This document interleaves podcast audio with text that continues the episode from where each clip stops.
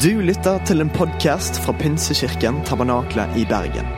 Vi tror at kirken skal være en plass hvor mennesker trives gjennom alle livets faser. En kirke for hele livet. Ønsker du å bli bedre kjent med oss eller holde deg oppdatert? Besøk vår Facebook-side eller ptb.no. Her er ukens tale.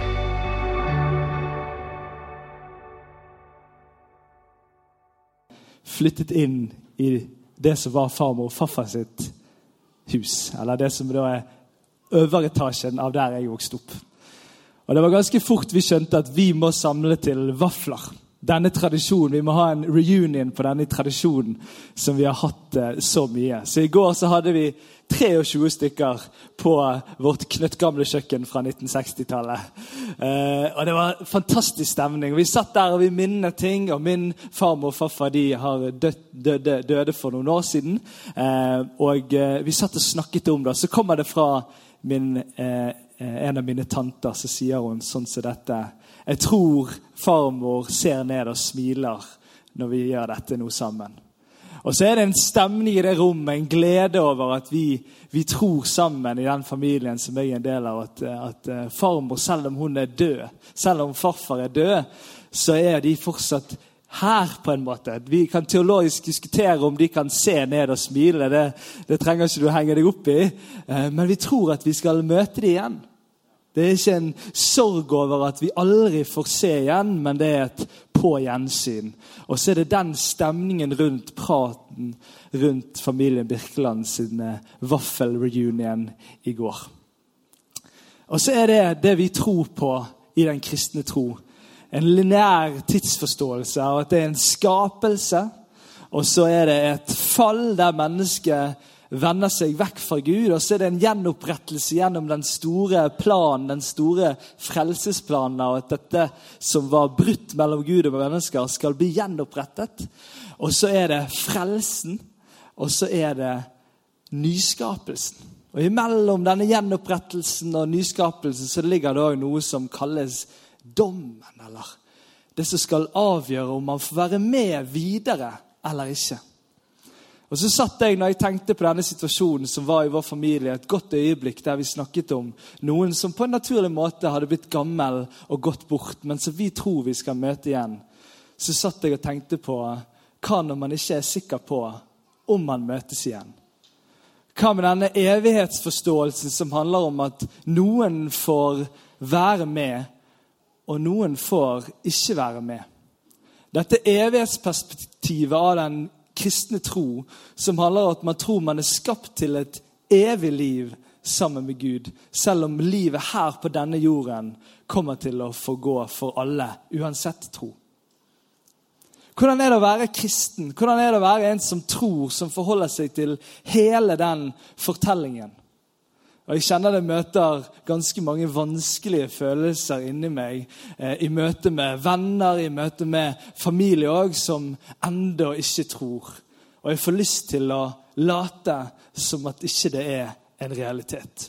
Eller lukke øynene og tenke at ikke det er sånn. At det, det må vel ikke være sånn. Kan Gud være sånn? Hvordan er det å leve med evighetsperspektivet som kristen? Midt i en familie eller venneflokk eller nabolag eller arbeidsplass der man vet at det er to forskjellige framtider som ventes.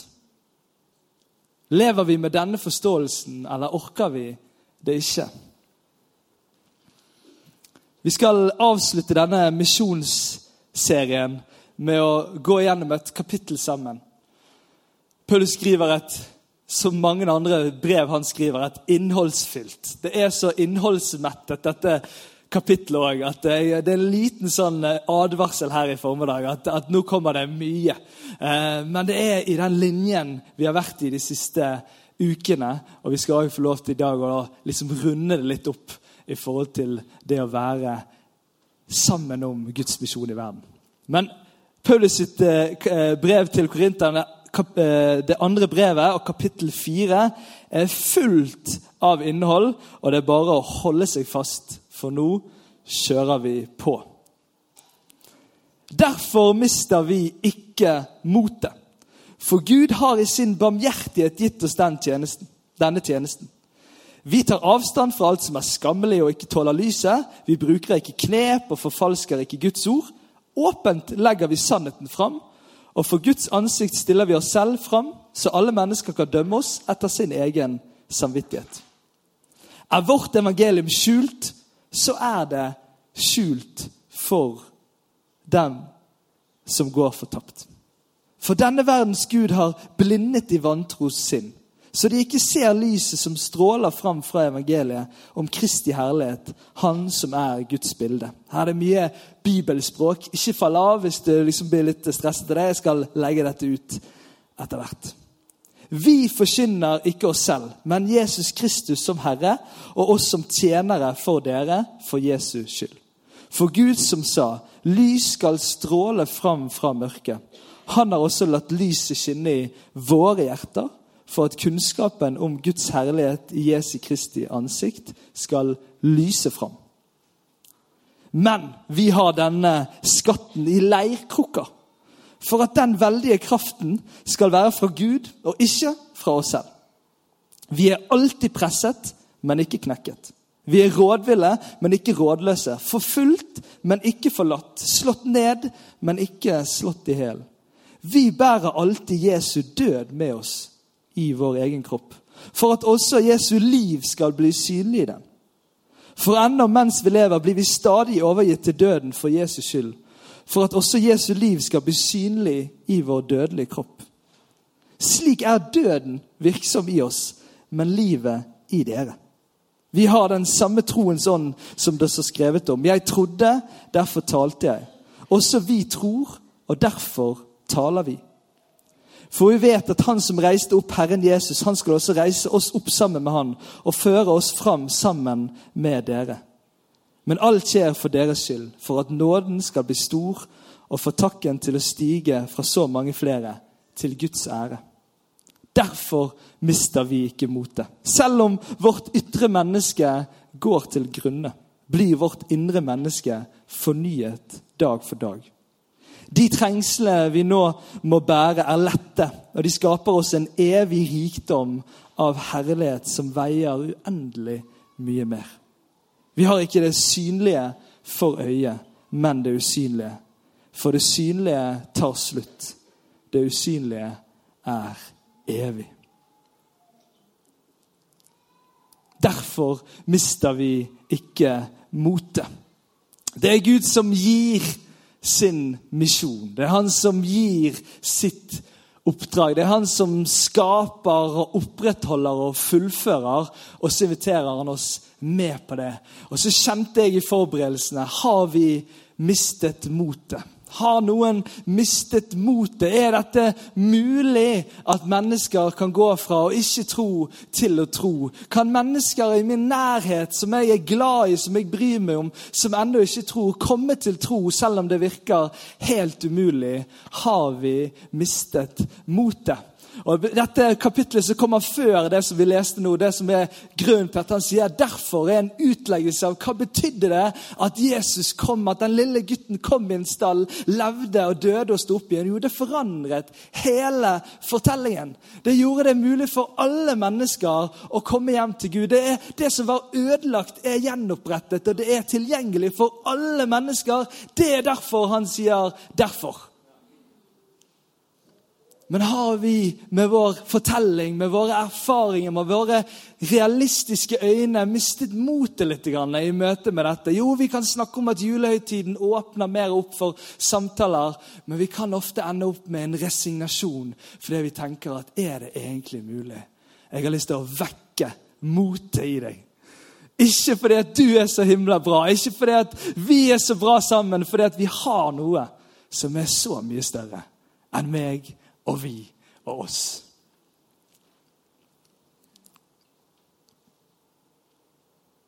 Trygve Skau lagde en ny julesang, en sånn tenne lys-julesang. Og dagens vers går sånn som dette.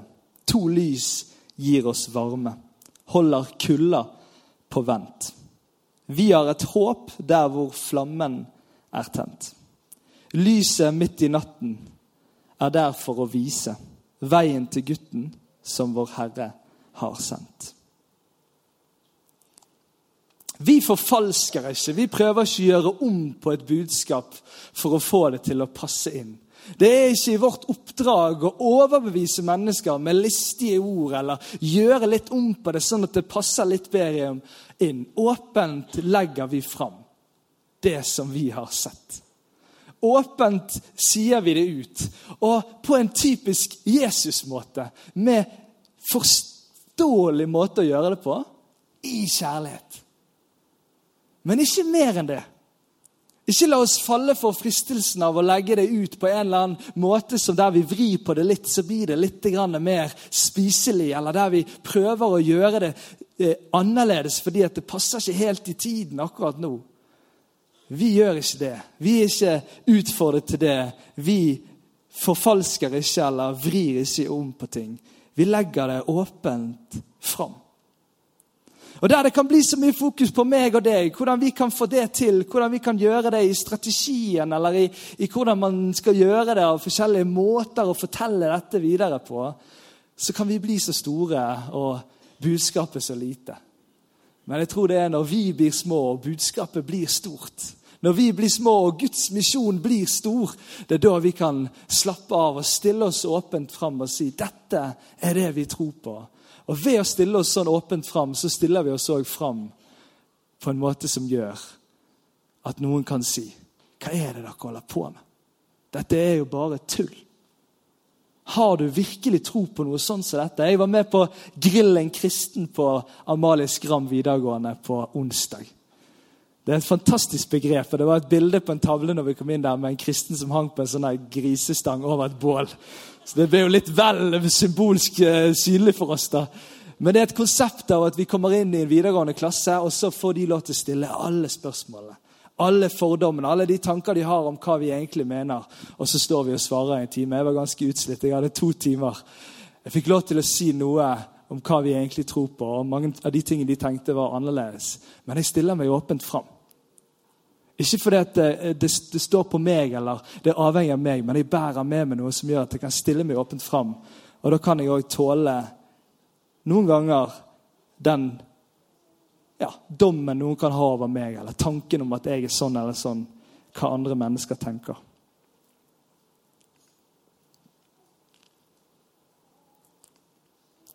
Vi leser videre. Er vårt evangelium skjult, så er det skjult for dem som går fortapt.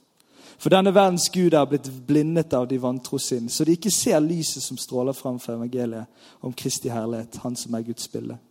Vi forkynner ikke oss selv, men Jesus Kristus som Herre, og oss som tjenere for dere, for Jesus skyld.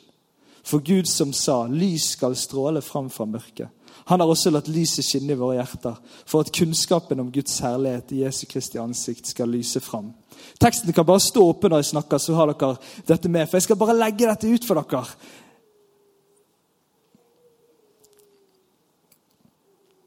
Er vårt evangelium skjult, så er det skjult for dem som går fortapt. Og Her tror vi er inne på noe av nøkkelen til å orke å leve med dette perspektivet.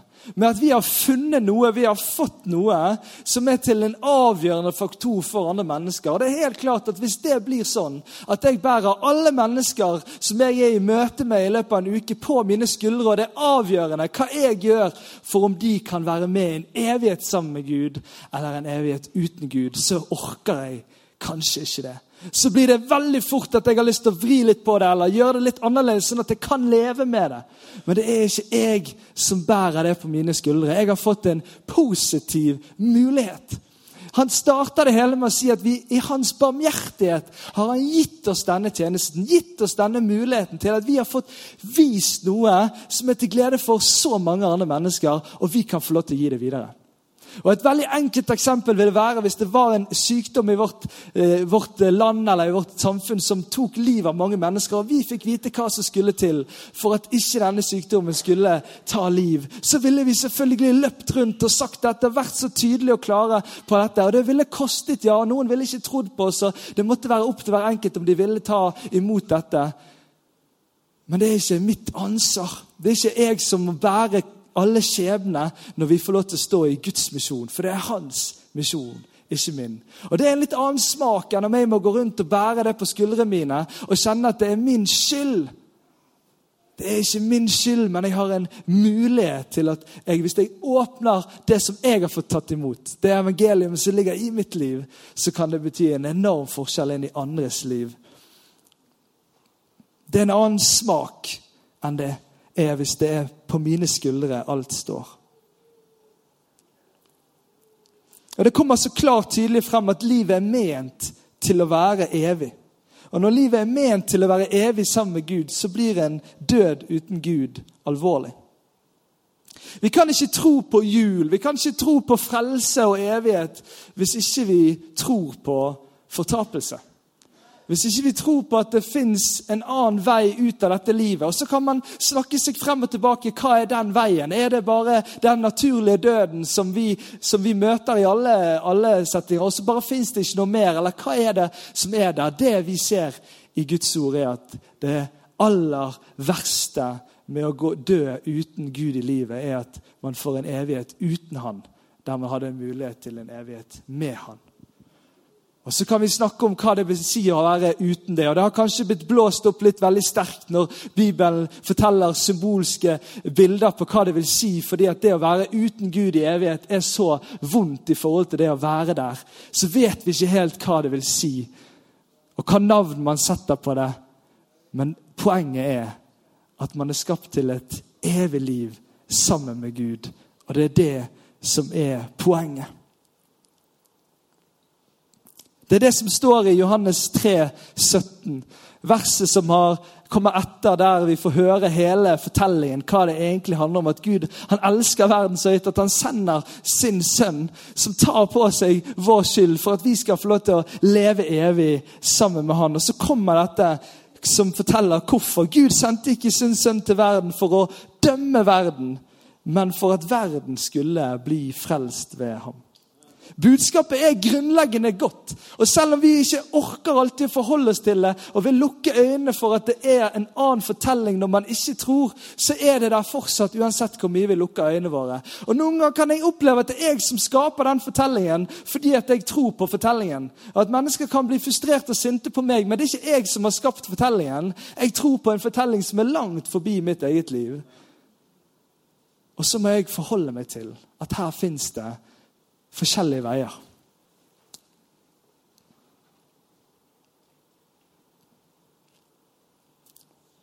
Og så står det noe her i dette verset om at i, i, i der vi er i Korinterbrevet nå, at, at, at de har blitt Øynene for de som ikke tror, de de er blitt tullet med av denne verden. Så ikke man klarer å se. Og For meg har det blitt en litt sånn god ting å forstå dette. For av og til kan jeg tenke at det er så bra det jeg tror på. Jeg tenker Det er så utrolig bra at hvis noen bare hadde fått høre det, så kan, kan man ikke hvordan kan man ikke liksom ta imot det? Og så forteller Bibelen om at her er det, man begynner ikke på null liksom, med folk. Man begynner litt på minus. Her er det et eller annet som er gjort som ikke gjør at man klarer helt å se det. Det fins en motstand i verden som gjør at når mennesker hører budskapet, så er det ikke så enkelt å ta imot det som at alt var helt sånn på, på nullpunktet. Det finnes noe som har, har, har, tullet det litt til. Og Vi kan alle kjenne til den delen av verden som kompliserer ting eller skaper en annen sannhet enn den som er sann. Og så har det òg skjedd. Og så gjør det at vi møter, møter ikke mennesker på nullpunktet, men kanskje på et ganske langt ut på minuslinjen. Og Der er det mørkt. Man klarer ikke helt å se, og man trenger at noen lyser. Og Så begynner han å snakke om at dette lyset som skal stråle fram i mørket, skal stråle gjennom oss.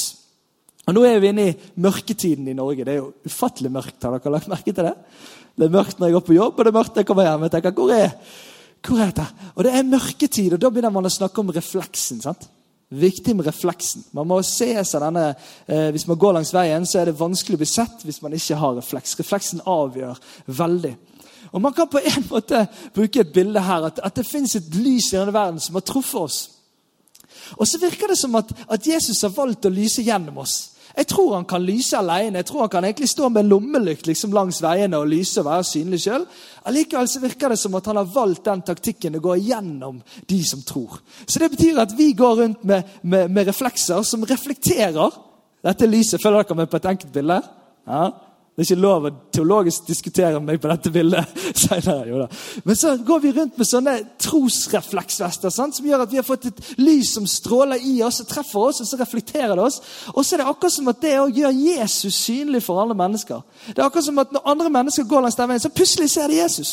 Har dere sett disse kampanjene sant? der ikke, det er en refleks og en uten refleks, og så går de i samme tempo mot deg? Og så ser man at den som går med refleks, blir synlig veldig veldig mye tidligere. sant? Plutselig er Jesus synlig for mennesker, og så er vi med på det. Det er ikke vi som produserer lyset. Det er ikke vi som skaper lyset, det skal jeg si mer om etterpå. Men vi får reflektere det, og så blir plutselig Jesus synlig for mennesker. Det kan være når mennesker er i det mørkeste mørket, eller det kan være mennesker som er i forskjellige situasjoner. Og så plutselig kan det bli synlig, for det har vært noen sånne reflekser rundt som har, har reflektert det. Og så blir Jesu, Kristi ansikt, synlig for mennesker. Hvem Jesus er.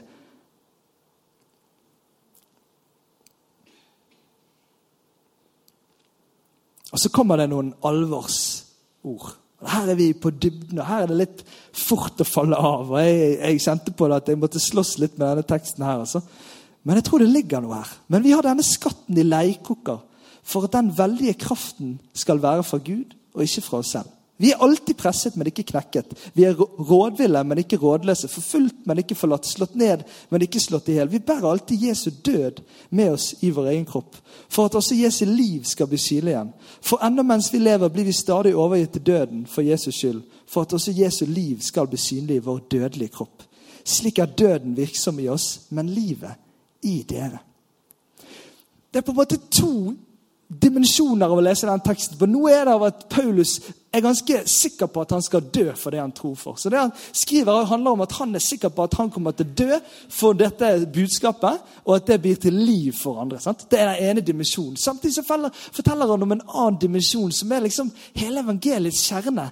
At, at, at død skaper liv. Det er en sånn unaturlig greie. Vi, vi har iallfall gjort det veldig unaturlig. Egentlig er det litt naturlig, for vi vet at i, i, i, i selve liksom, naturen vår så er det sånn at død skaper liv. Det er sånn det er, faktisk. At, at, at må, noe må graves, noe må, må dø, og så vokser det fram noe annet. Og så er det sånn at vi kjenner det vi tror på, er at død skapte liv. Jesu død skapte liv for alle. Og så har vi med oppstandelse. sant? Men vi, vi vet at denne konsekvensen her, Når Jesus da skal fortelle om hvordan det er å følge etter ham, hvordan det er å være en kristen, så sier han det så heftig som dette her. Om noen vil følge etter meg, må han fornekte seg selv og hver dag ta sitt kors opp og følge meg. For den som vil berge sitt liv, skal miste det. Men den som mister sitt liv for min skyld, skal berge det. Hva gagner det et menneske om det vinner hele verden, men mister seg selv og går til grunne? Hva er det i møte med dette her som gjør at død skaper liv? Hva er det som gjør at vi blir invitert til at vi vil, hvis vi vil berge livet, så mister vi det. Men hvis vi vil miste livet for hans skyld, så finner vi det. Hva er det i denne dynamikken her som vi trenger å se litt på? Kan det være det fins? Sånn at det livet som handler om meg og mitt og det jeg vil ha og det jeg vil få til, det som blir sirkulert rundt meg eller liksom fokusert rundt meg, det fører bare til død. Og Det kan egentlig ikke diskuteres helt, for det, sånn er det for alle mennesker. Det kommer død en gang. Sånn er det bare. Og så er det sånn at når man da gir fra seg dette og dør fra seg sjøl Det handler ikke om den fysiske døden, men at jeg dør fra meg sjøl. Jeg, jeg, vil ikke sette meg sjøl først inn i dette. Jeg vil sette noe annet først. Jeg vil leve for noe annet og noe større. Jeg velger å legge meg ned for dette. Jeg velger å dø for dette inni meg. Så blir det til liv for andre mennesker. Og I den runddansen der av å dø og det blir til liv for andre mennesker, så blir det òg til liv for meg. Og så er det kanskje en av de sterkeste budskapene inn i vår tid. At friheten fra seg sjøl er den ekte friheten. Og Der vi leter innover og innover i mennesket vårt, der vi leter innover innover etter hva er det det perfekte, hva er det det beste, hva er meningen, hva er det som gjør at jeg skal få det beste, aller aller best mulig, så leter man innover og innover, og så fins det ikke liv innover på den måten. Det fins ikke bare mørke, det fins ikke bare elendighet. La oss snakke ærlig om at det går an å ha det godt i livet noen ganger, selv om man ikke tror. Vi må ikke svartlegge alt. Men det fins ikke liv videre innover. Men det er når det går utover at man legger seg ned for noe. Man legger seg ned for Jesus. Så fins det liv, og ikke bare liv for oss, men for andre. Og ikke bare liv her, men liv i evighet. Denne logikken her bryter litt i oss, og den vil være litt provoserende, men det er en del av budskapet vårt.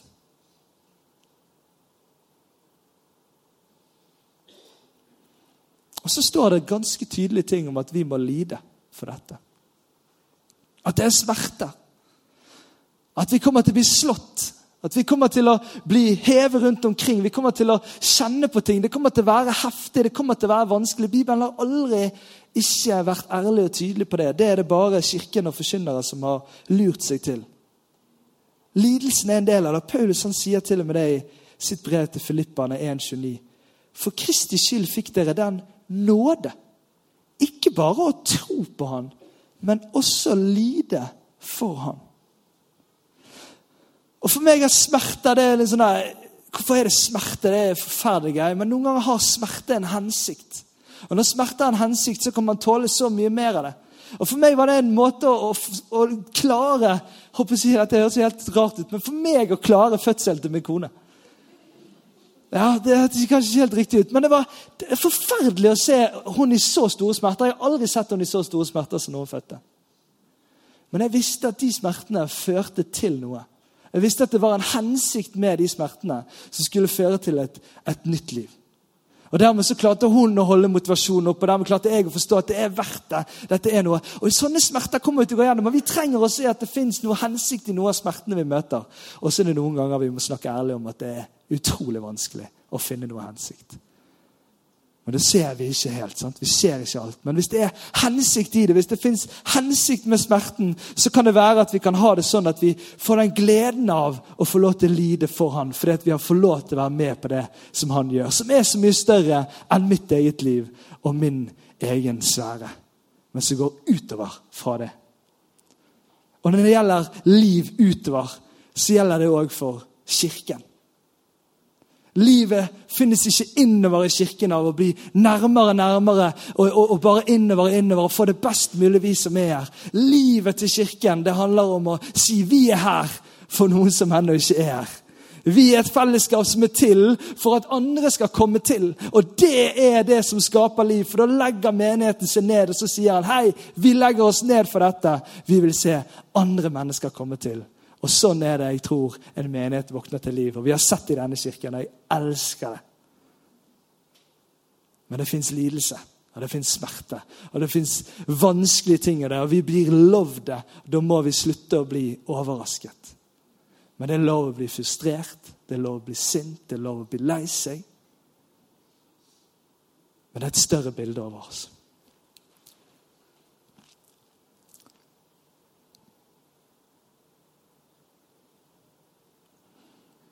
Det går noen sånne fortellinger eh, liksom, på eh, sosiale medier og sånn om liksom, det som ikke dreper deg, det gjør deg sterkere. Jeg fant et sånt fint bilde her. Det der, eh, det der får ikke de til ute på, ute på Flesland, på min hytte. Der har jeg tatt ganske mange. Men det som ikke dreper deg, det gjør deg sterkere. Det fins òg noe av utrustningen som kristen av, av å gå gjennom tøffe ting. altså. Og Jeg har bare lyst til å si det rett ut, for jeg, er lei av at man liksom skal si sånn her eh, ja, 'Det går fint, det der. Det, er ikke sånn. Det er bare liksom en periode.' Livet kommer til å være tøft, folkens. Og hvis, du, hvis vi vil følge Jesus, så kommer det til å være tøft. Jeg tror det er best. Jeg tror det er det aller beste livet. Men det kommer til å være tøft. Og så kommer det til å ha en dimensjon av at det utruster oss og tar oss videre inn i ting, til å møte nye og nye ting.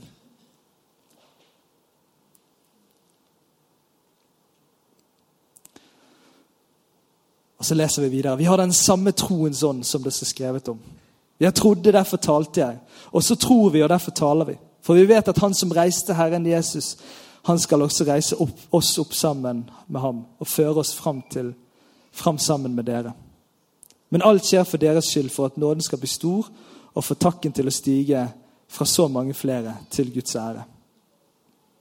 Å være en kristen handler ikke om å skape tro i seg sjøl. Det handler ikke om å overbevise seg sjøl så mye at man til slutt tror skikkelig sterkt. Det handler om å la Guds ånd, la Gud sjøl, bygge tro i oss. Ved å være Han nær. Ved å bli, være inntil Han, være i fellesskap med Han og fellesskap med hverandre, så vokser denne troen inni oss. Og så er det sånn at når den skaper tro, så blir konsekvensen ord. Derfor taler vi. Derfor snakker vi ut om det. Derfor blir det ikke noe som blir skjult i vårt liv, men det kommer åpent ut gjennom ordene våre, gjennom handlingene våre, gjennom å være annerledes i denne verden. Så lyser det fram, og så blir konsekvensen at det blir synlig. Det som er inni oss, kan virke usynlig for mennesker. Og så er det nydelig at Paulus er så tydelig på Men ikke for vår skyld. Ikke for deres skyld. Det er alltid noen andre. Det er alltid noen andre som er konsekvensen. og Det, det er en sånn del av det å være kristen. at Det ender aldri med meg. Det er aldri jeg som blir endepunktet i noe. Jeg er alltid med på noe som betyr noe mer for andre igjen. Og så er det en dimensjon av å være en kristen at det alltid går videre og videre. Så endemålet blir aldri at hvis det bare de kommer, da er vi der. Hvis det bare blir sånn, så er vi der. Eller hvis det bare er akkurat sånn jeg liker det, så er det der. Det er alltid forbi, det er alltid forbi, for dette går alltid videre. Det går alltid videre og videre. Og Det handler ikke om at ikke du er viktig, det handler ikke om at ikke du er sett av Gud, eller at Gud ser deg. Det handler om at det er det vi får være med på i hans misjon, og at det alltid går videre. Og så er det til Guds ære, ikke min ære.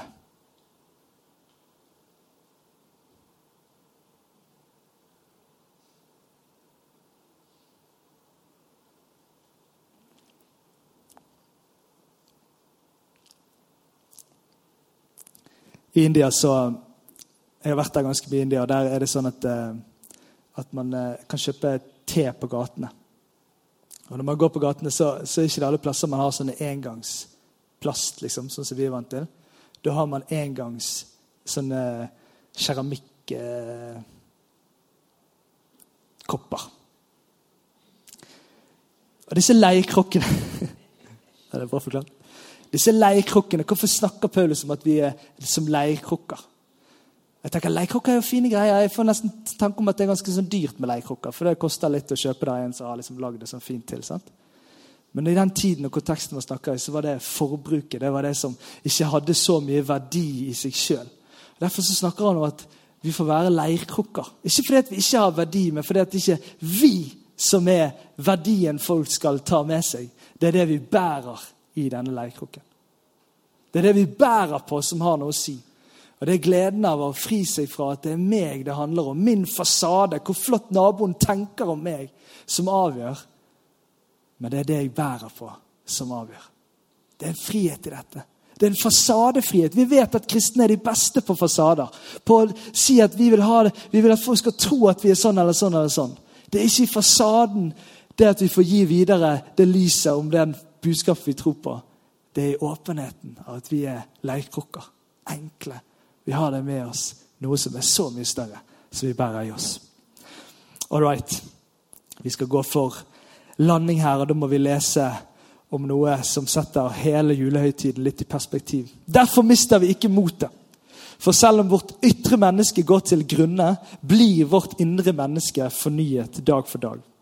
De trengslene vi nå må bære, er lette og de skaper for oss en evig rikdom av herlighet som veier uendelig mye mer. Vi har ikke det synlige for øyet, men det usynlige. For det synlige tar slutt, og det usynlige er evig. Og Det er i kontrasten til evigheten at Bibelen kan fortelle om at det vi bærer nå, er lett. Det er ikke en mangel på forståelse av at det kan være vanskelig i mitt og ditt liv. Men det er i kontrasten til, eller i relevans til, evigheten sammen med Han, så settes det i en annen, på en annen plass. Og så blir vi invitert inn til det synlige og usynlige. Og Jeg tenkte på julekvelden hjemme hos oss. så er det mye synlig som får litt fokus. da. Det er noen gaver der som iallfall jeg har sluppet litt tak i det med gaver, men jeg merker det på barna mine. og Det, det setter en stemning i rommet at det ligger gaver under, under juletreet som vi skal få. sant? Vi ser det. Det er der liksom wow. Og så er det maten da, som er blitt større og større. Plass i mitt, uh, mitt fokus. Som, som, handler om at vi lukter det, vi vet at dette skal vi få spise. Det er det synlige. Så tenkte jeg på at denne julekvelden har noe usynlig. Vi som familie opplever noe godt sammen. Vi, vi, kommer nærmere hverandre. Kanskje noen relasjoner som man ikke har hatt på en stund i, nær, i nærme familie. Får man noen gode øyeblikk der. Og jeg tenkte på det med barna mine, at det er jo en del av å skape det de kommer til å bli. Disse minnene, disse kveldene som er annerledes, og som, som setter noen sånne juleminner og sånne gode og potensielt også selvfølgelig vonde følelser. Og Så ligger det så mye i den julekvelden som også er usynlig som ikke er, man kan ta og føle på, men som skjer der allikevel. Og Kanskje er konsekvensen større for det usynlige i det lengre løpet enn akkurat den kvelden. Men det skjer noe der. Og Så tenkte jeg på den første julekvelden. Når Jesus ligger i krybben, så er det synlig ikke særlig imponerende. Det er fantastisk. Det er kommet et nytt liv til jorden. Men det skjer jo ofte. Han ligger der i krybben, og det er egentlig en krise som har skjedd fordi at det var ikke plass, så de må gå inn et annet sted. Og, eh, og det er ikke skikkelig eh, soveforhold engang. Og det er ikke så særlig mye imponerende i det synlige. Men så i det usynlige så ligger hele verdens frelse i krybben. Og der og da er det ikke store konsekvenser. Der og da skjer det ikke bang, boom, boom. Men i det store bildet, i det usynlige som varer evig, så forandrer det alt. Og det er det usynlige at Guds hjertesaker er. Det som varer, og det som skaper. Et fokus på det usynlige er å bli grepet av Guds hjerte. Guds hjerte for deg, Guds hjerte for din familie, Guds hjerte for ditt nabolag. Guds hjerte for din by, denne byen. Guds hjerte for ditt land. Guds hjerte for denne verden. En full erkjennelse av Guds fortelling fra start til evighet er avhengig av et håp som strekker seg videre enn der vi er nå. Et håp om en evighet sånn som det var ment til å være. Et håp om at flere skal få se gjennom lyset som skinner gjennom et liv. Et håp om en juletid, men også et liv fylt opp av mer enn det som er synlig, det som forgår, det som forvitrer. Men et liv fullt av det evige budskapet. At det er sendt oss en frelser i Davids by. Guds hjerte er over alle våre hjerter. Og Guds hjerte er overalt hvor du går.